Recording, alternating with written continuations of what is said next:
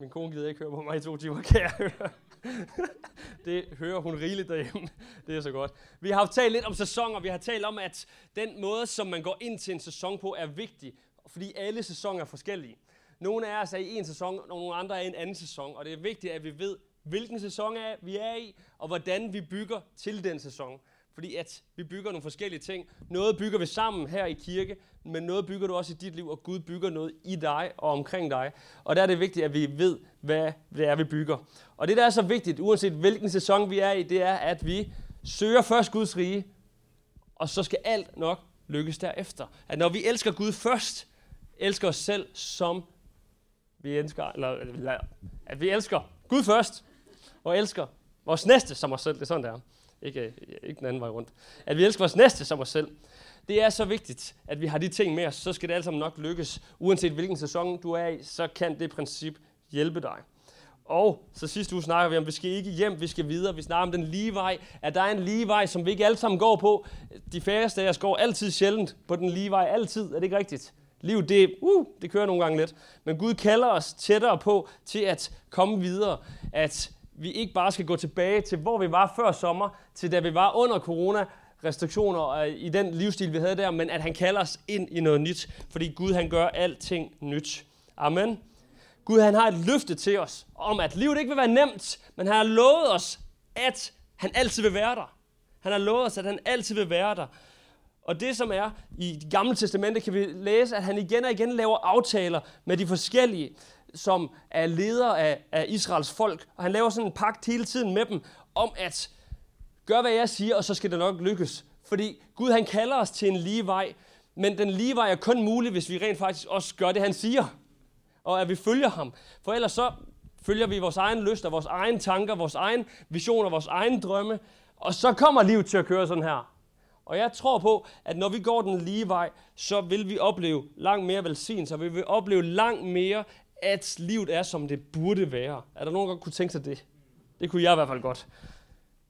Og han har de her pakter, og et eksempel på det, det er i Josva. Det, jeg har opkaldt min søn efter ham, for jeg kan godt lide ham her Josva. Der står i kapitel 1, vers 5, Ingen vil kunne holde stand imod dig, så længe du lever, for jeg vil være med dig, som jeg var med Moses. Jeg vil ikke svigte eller forlade dig. Løftet om, at han er der. Og så siger han så i vers 8, men hele tiden folket om disse love, og det er Moseloven, det, det er det gamle testamente, og det er pakten. Og selv skal du tænke på dem døgnet rundt, så du handler derefter, for så vil det gå dig godt, og du vil lykkes. Hvis du gerne vil lykkes i dit liv, så husk det her. Få det ind på dit hjerte, få ind på nethinden, at men dig selv om de her love, men dig selv om at gå i Guds vej, så skal du nok lykkes, så skal det nok lykkes for dig, de ting, som du er kaldet til. Han laver den her aftale med andre konger, der kommer derefter i Israel. Han kommer så også til det nye testamente, hvor Jesus sidste ord i missionsbefalingen slutter med, husk, jeg er med jer alle dage indtil verdens ende. Lige efter han sender dem. Han sender dem ud til at gøre den her vanvittige vision til at gøre alle mennesker i hele verden, fra alle folkeslag til hans disciple. Hvor mange ved, at det er en stor vision? Det er en ret stor vision. Det er ikke bare, at folk skal høre om Jesus. Det er, at de skal blive disciple. Det er altså ret, ret stor vision, som vi stadig er i gang med, som, som stadig er un, undervejs, som er en del af vores lige vej. Men uanset hvad, hvor stor en opgave han giver os, så lover han os, at vi ikke skal gøre det alene. Er det ikke gode nyheder i dag? Og det, jeg gerne vil tale om i dag, det er tro og lydighed, for de to ting hænger uløseligt sammen. Og det er ud fra den her historie fra Lukas evangeliet. Jeg ved ikke, om Lukas er opkaldt efter ham, men... Øh, nej. Da, da Jesus, jeg skulle sige, da Lukas var færdig. det er så fedt. Da Jesus var færdig med at tale til folkeskaren, nu måske var det profetisk. da Jesus var færdig med at tale til folkeskaren, gik han ind til Kapernaum. Her boede en romersk officer, der havde en tjener, som var syg og døden nær. Det var en tjener, han satte stor pris på. Officeren havde hørt om Jesus og sendte nogle af lederne fra den jødiske menighed hen for at bede ham komme og helbrede hans tjener. De bad ham indtrængende om at komme. Hvis nogen fortjener hjælp, så er det ham, sagde de. For han elsker vores folk og har bygget en synagoge til os. Jesus og hans ledsager gik derfor med dem. Men da det nærmede sig huset, sendte officeren nogle venner ud for at sige, Herre, gør dig ikke så meget en ulejlighed. Jeg er jo ikke værdig til, at du skal komme ind i mit hus. Jeg føler mig heller ikke værdig nok til at komme ud til dig. Men du kan blot udstede en befaling, og på den måde gør min tjener rask. Jeg er jo en mand, som selv står under kommando, og jeg har soldater, der igen står under mig. Jeg behøver bare at sige, gå, så går de, eller kom, så kommer de. Og hvis jeg siger til min tjener, gør det eller det, så gør han det. Jesus var forbløffet over de ord, og han vendte sig til dem, til dem, der fuldtes med ham og sagde, det siger jeg jer, ikke engang blandt Israels folk har jeg mødt en så stor tro. Da officerens venner kom tilbage til huset, fandt de, at tjeneren var fuldstændig rask. Amen. Tro, det er fast tillid til det, der ikke kan ses. En overbevisning, som ligger så dybt i os, at vi bare ved, at vi ved, at vi ved, at det sker. Det kan godt være, at, at Jesus ikke var i lokalet, men han havde en så stor tro på Jesus, at fordi at han bad Jesus om hjælp, og at hvis Jesus bare vil sige de der ord, så vil hans tjener blive rask. Det er stor tro. Så han snakker om både det her med tro og det her med lydighed. Vi har brug for en stærk overbevisning inde i os på, at Jesus er den, han er. At han kalder os til de ting, som han har kaldet os til. Fordi du og jeg, om du ved det eller ej, du har et kald i dit liv. Du har et kald over dit liv. Gud han har designet dig til at skulle gøre mere, end du kan selv. Er det ikke frustrerende, at du er utilstrækkelig? Du er skabt utilstrækkelig. Det er ikke chokerende. Det skal ikke komme som en overraskelse for dig, at ved du hvad, nogle gange så kommer det, jeg kan faktisk ikke. Jeg kan ikke mere. Nej, for det var ikke meningen, du skulle gøre det selv. I Guds design har han skabt det således, at vi ikke kan gøre alt det, vi skal uden ham. For han ønsker at gøre det sammen med os. Er det ikke smart? Ah.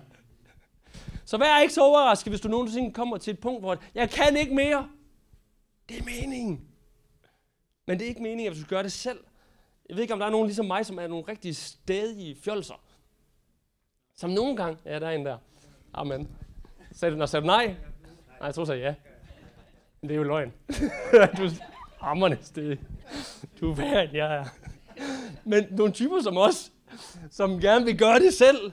Vi kan selv. Nej, vi kan ikke alt selv, fordi vi er ikke skabt til at kunne gøre alt selv.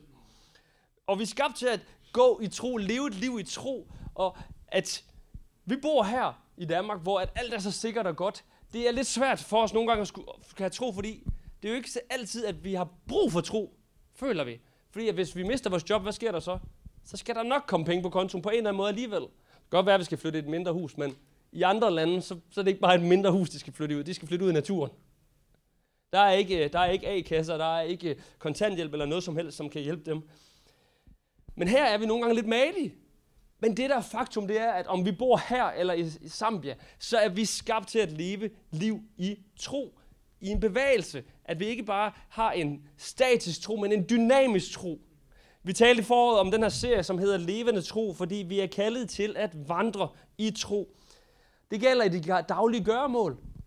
At vi har et åbent hjerte. At vi ikke bare gør, som vi gjorde i går. At vi ikke bare tager på arbejde, som vi gjorde i går. At vi ikke bare går ind til vores venner, som vi gjorde i går, og tænker, vi skal bare have en hyggelig aften, men måske har et åbent hjerte på, måske vil Gud gøre et eller andet lige der, hvor du er.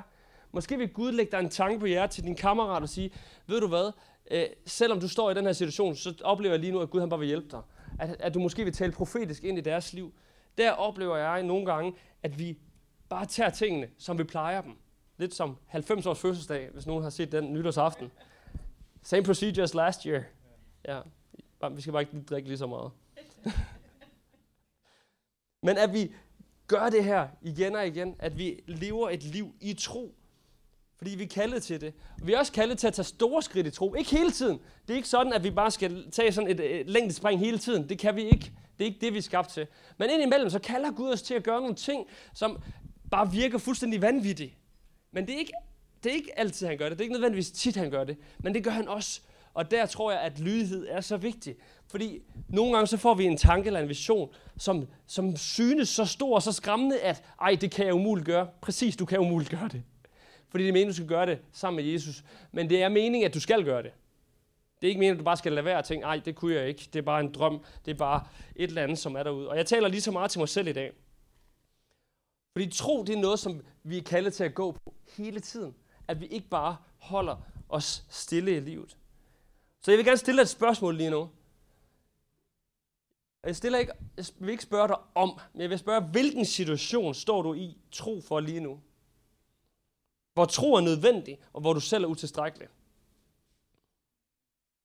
Hvilken situation? Der burde være en situation lige nu. Det burde ikke være om.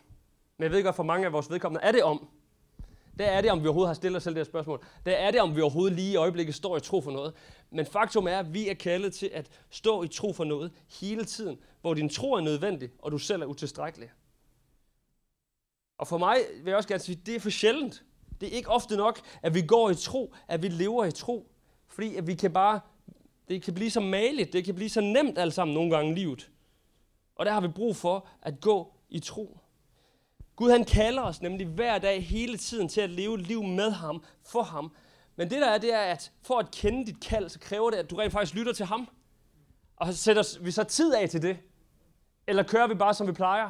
Kører vi på autopilot? Siger vi, at nu har jeg været på arbejde, nu skal jeg hjem og spise, og så skal jeg hjem og se Netflix bagefter, og så skal jeg i seng, der var ikke tid til andet den dag.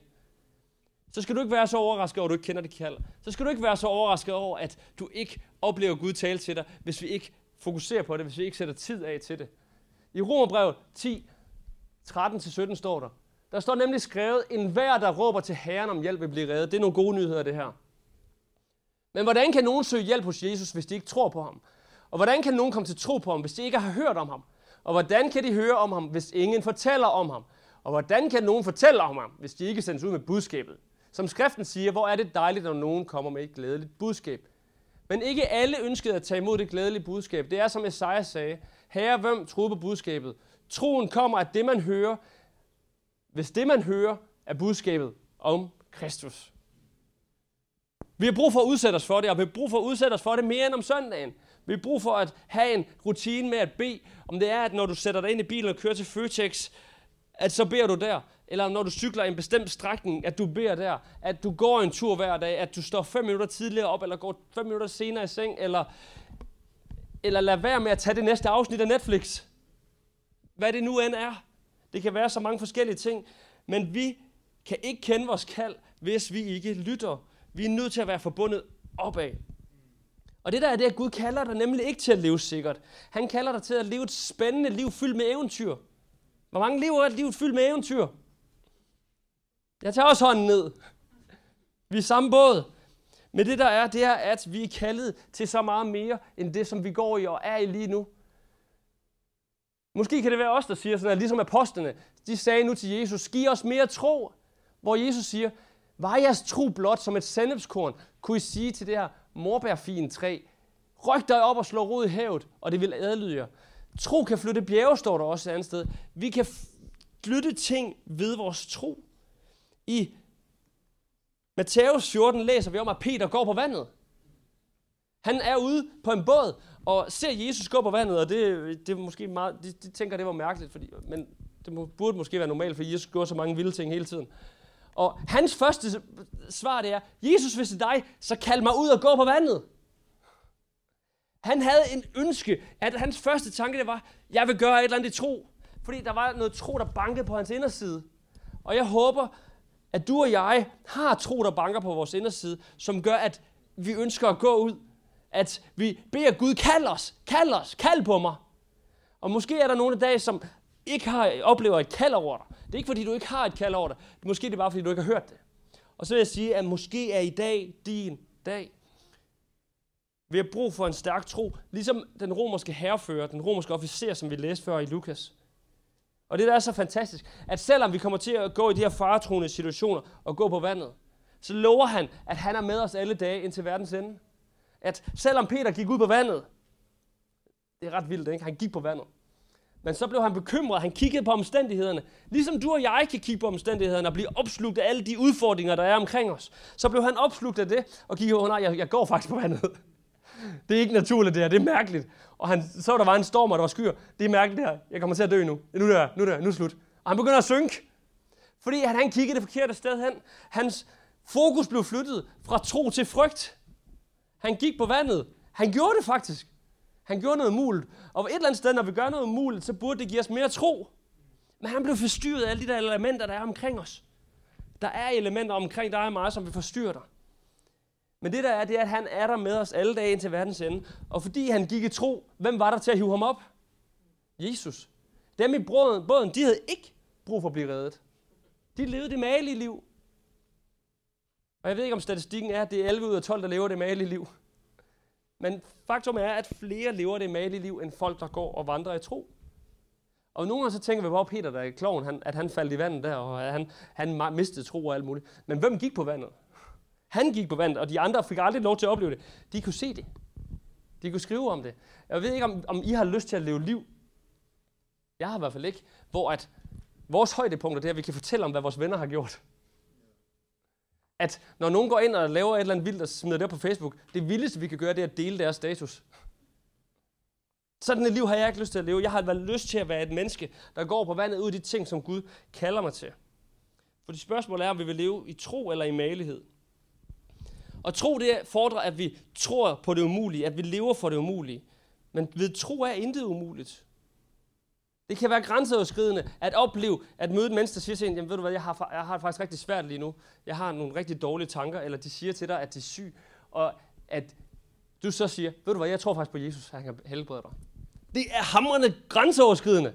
Det er ubehageligt, helt ind i det dybeste indre. Jeg er introvert, det er forfærdeligt. Jeg dør lidt indeni hver gang. Men bagefter, så er det, der er sket et eller andet, fordi der er lidt mindre af mig, lidt mere af Gud. Fordi jeg har tilladt ham at komme til. At jeg har været lydig og taget et skridt på den lige vej. Rigtig mange gange, så har man stået bagefter og tænkt, jeg skulle have gjort det. Hvor man ikke gjorde det. Og bare opfordrer os til, at når vi står i de der situationer, lad os være modige, lad os ture gøre det. Nogle af os er måske kaldet til at gå ud og tro for et menneskes frelse. Måske er der et menneske i dit liv, som ikke kender Jesus. Det er der højst sandsynligt. Måske er det tid til, at du står i tro, beder for dem, faster for dem, at du inviterer dem til kirke, inviterer dem ind i dit liv, trækker dem med, at udsætter dem for tro og den positive virkning, som din tro har. Måske er det på tide, at du tror for helbredelse i dit liv eller et andet menneskes liv. Måske er der nogen af os, der er kaldet til at gøre noget nyt og noget usikkert, lidt ligesom Peter skulle gå ud på vandet. At sige dit job op og vælge noget andet, som du føler, at det er tid til. Måske er det at starte en ny uddannelse. Måske er det et vildt kald, som at flytte langt væk og blive missionær. Jeg ved det ikke. Men hvad er det, Gud kalder dig til? Fordi spørgsmålet er ikke, om han kalder dig. Spørgsmålet er, hvad siger Gud til dig lige nu? Hvad kalder han dig til lige nu? Der i den der historie, så læste vi om den her romerske officer, om, om hans beretning om lydighed. At jeg står til ansvar over for nogen, og når de siger, at jeg skal gå, så går jeg. Og når jeg siger til mine folk, at de skal gå, så går de. Han kom fra herren, og Jesus bliver forbløffet over den tro, han har. Fordi for ham er, var det naturligt, at der er den her lydighed i deres system, at når man var i herren. Og det er det, Jesus kalder os til, at når han kalder os, så går vi ind i det med lydighed. Fordi vi giver ham vores liv, det er faktisk det, vi siger. Det er ikke bare, at vi siger, Jesus, giv mig alt det gode. Vi får også alt det gode. Men ud af den, de ting, som vi får, der er det ikke kun til os selv, der er det til andre omkring os. I 5. Mosebog 28, jeg vil ikke læse det, men der er 14 vers om en masse velsignelser, som man får ved at være lydig over for de ting, Gud kalder os til. At gå i de gerninger, som han kalder os til. At, som vi læste før med Josva, at hvis du gør de ting, som jeg siger, så vil du lykkes. Og vi var alle sammen enige om, at vi vil gerne lykkes. At vi vil ikke nødvendigvis gøre så meget for det. Vi vil hellere gå ned og betale 50 for en, for en lotto og vinde der. Det ville da være så meget nemmere. Men Jesus har ikke lovet, at det blev nemt. Han har kun lovet, at han vil være der. Jesus han kalder os først og fremmest til at være lydige. Hvis du ikke ved, hvad du er kaldet til i det store kald, om du er kaldet til at være en professor, der skal finde, hvordan man, hvordan man udrydder kraft, jeg ved det ikke. Måske har du ikke fået det kald endnu. Men han kalder dig til at være lydig. Og hvor starter det? Læs din bibel og find ud af, så er der en masse ting, du kan være lydig i, hvor du garanteret ikke er det endnu. Jeg er også på en rejse. Nogle gange så støder jeg mig på Bibelen. Det er lidt ligesom som en pindsvin nogle gange. At man åbner Bibelen. Au, det går ondt det der. Den stikker. Er nogen, der har oplevet det? At den stikker til en nogle gange. Men det er godt at blive stukket til. Det er godt at blive udfordret på nogle ting, hvor at man kan skærpe sig selv, blive bedre og blive en bedre version af sig selv. Lydighed, det er en kærlighedshandling. Det er, hvis min kone siger, ved du hvad, jeg har lyst til at, jeg, jeg kan faktisk ikke, jeg vil ikke have, at du gør det der mere. Og jeg tænker, det har jeg da meget lyst til at gøre fortsat. Men det måske betyder meget for hende, at, at det gør jeg ikke mere. Så vil den lydhed være en kærlighedshandling. Det er jo ikke altid, man gør det vel. Det ved jeg godt, og der vil også være nogle ting, hvor der er måske nogle ting, man ikke kan gå på kompromis med. Jamen, jeg gider ikke have, at du kunne arbejde i dag.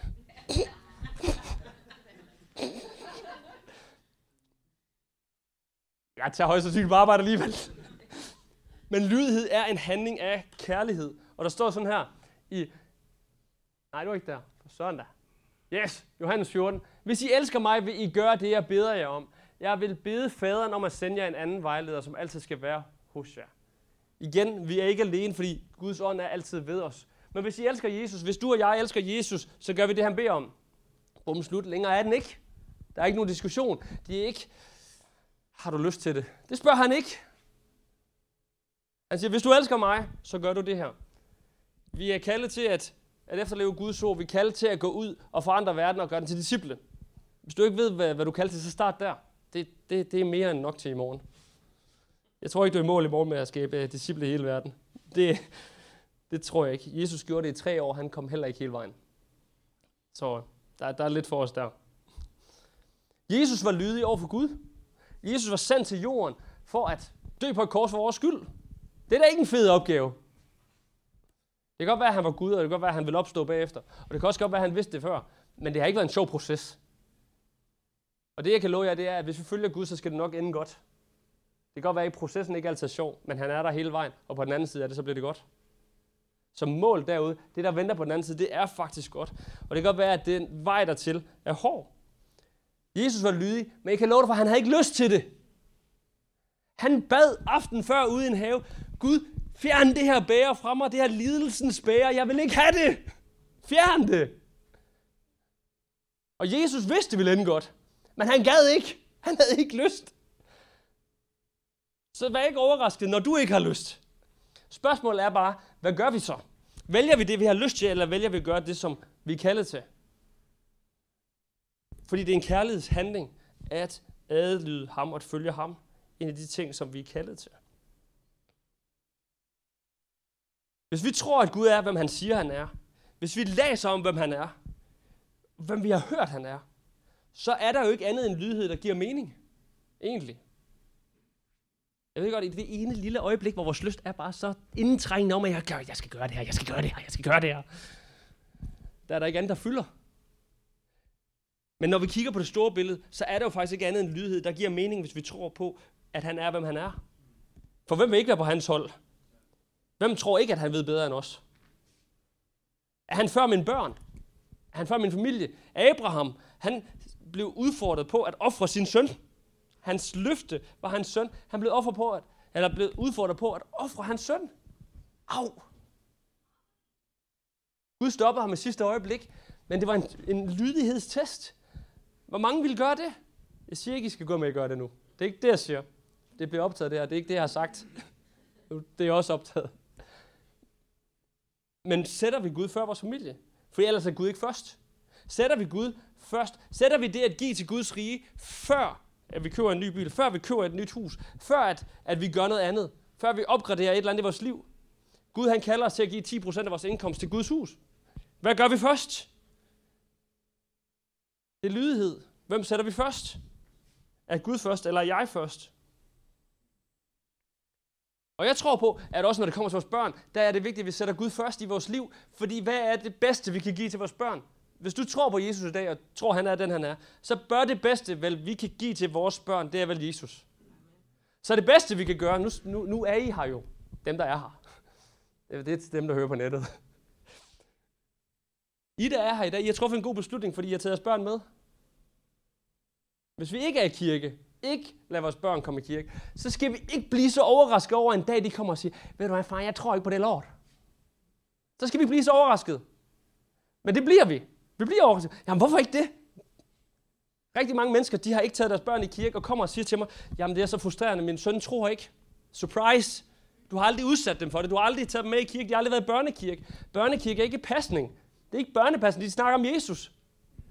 Allerede der sås der nogle frø. Måske beder vi ikke sammen med dem derhjemme. Måske læser man ikke sin bibel sammen med dem. Min datter har lige læst sin første børnebibel igennem fra A til Z. Sådan, sådan, sådan en mobbedreng her. Det er et frø. Vi skal ikke blive så overrasket over, at hvis vores børn ikke gider kirke engang, hvis vi aldrig nogensinde har taget dem med, og hvis vi aldrig nogensinde har gjort det sjov, eller hvis vi sidder og siger dem, åh, vi skal i kirke i dag, jeg gider ikke, så skal vi ikke blive så overrasket over deres holdninger. Jeg holder med Brøndby i dag, fordi at min brødre holdt med Brøndby.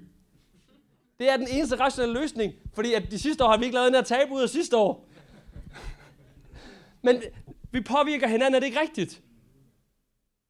Vi påvirker hinanden. Vi påvirker også vores børn. Lydhed, det er tillid til hans timing og til hans løfte. Vi har brug for tro for at blive på den lige vej. Vi kan ikke holde os på den lige vej uden tro, uden lydighed. Det er to ingredienser, to elementer, to svære ting at leve i det her spændingsfelt mellem tro og lydighed og mellem tro og tvivl. At, at gøre det, der man ikke har lyst til, fordi man ved, det er rigtigt. At vi er her i dag, det kan godt være, at du vågnede op og var hamrende træt, men du har truffet en god beslutning ved at komme, trods det. Det er endnu et skridt på den lige vej, på den rigtige vej for dig.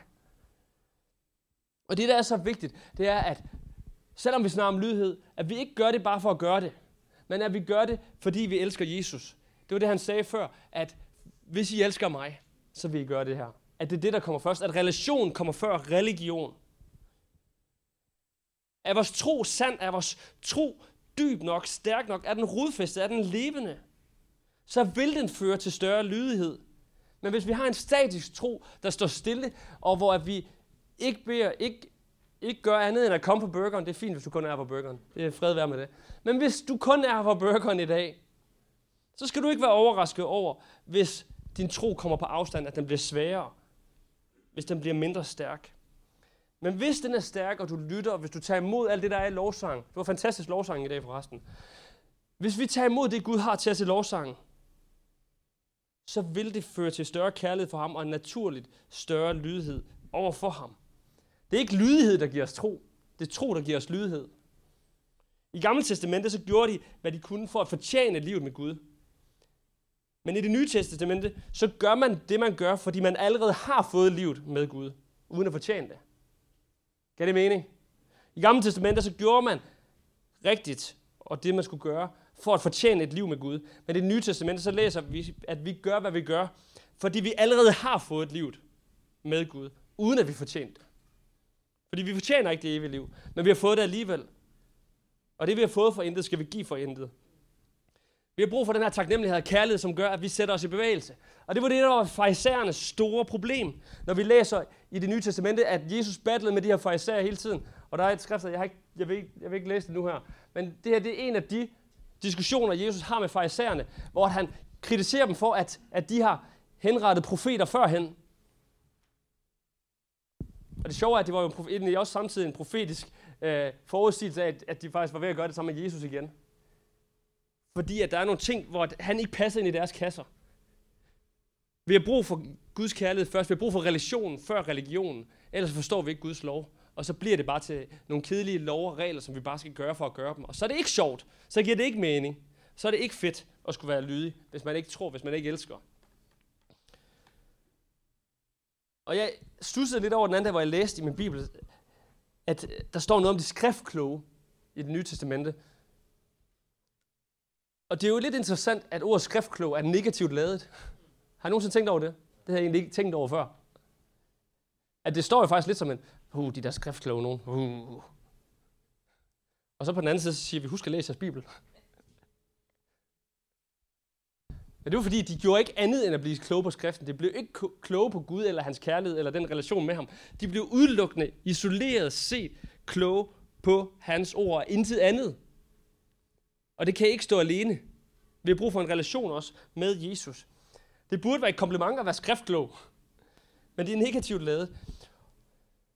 Og det, der var problemet for farisæerne, det var, at deres fokus på skriften, det blev større end fokuset på ånden af loven og formålet med loven og de ting, som den, der stod der. Der var et mismatch. Og lovens formål siger, at Jesus kan opsummeres i to ting. Hvad er det? Det er at elske Gud.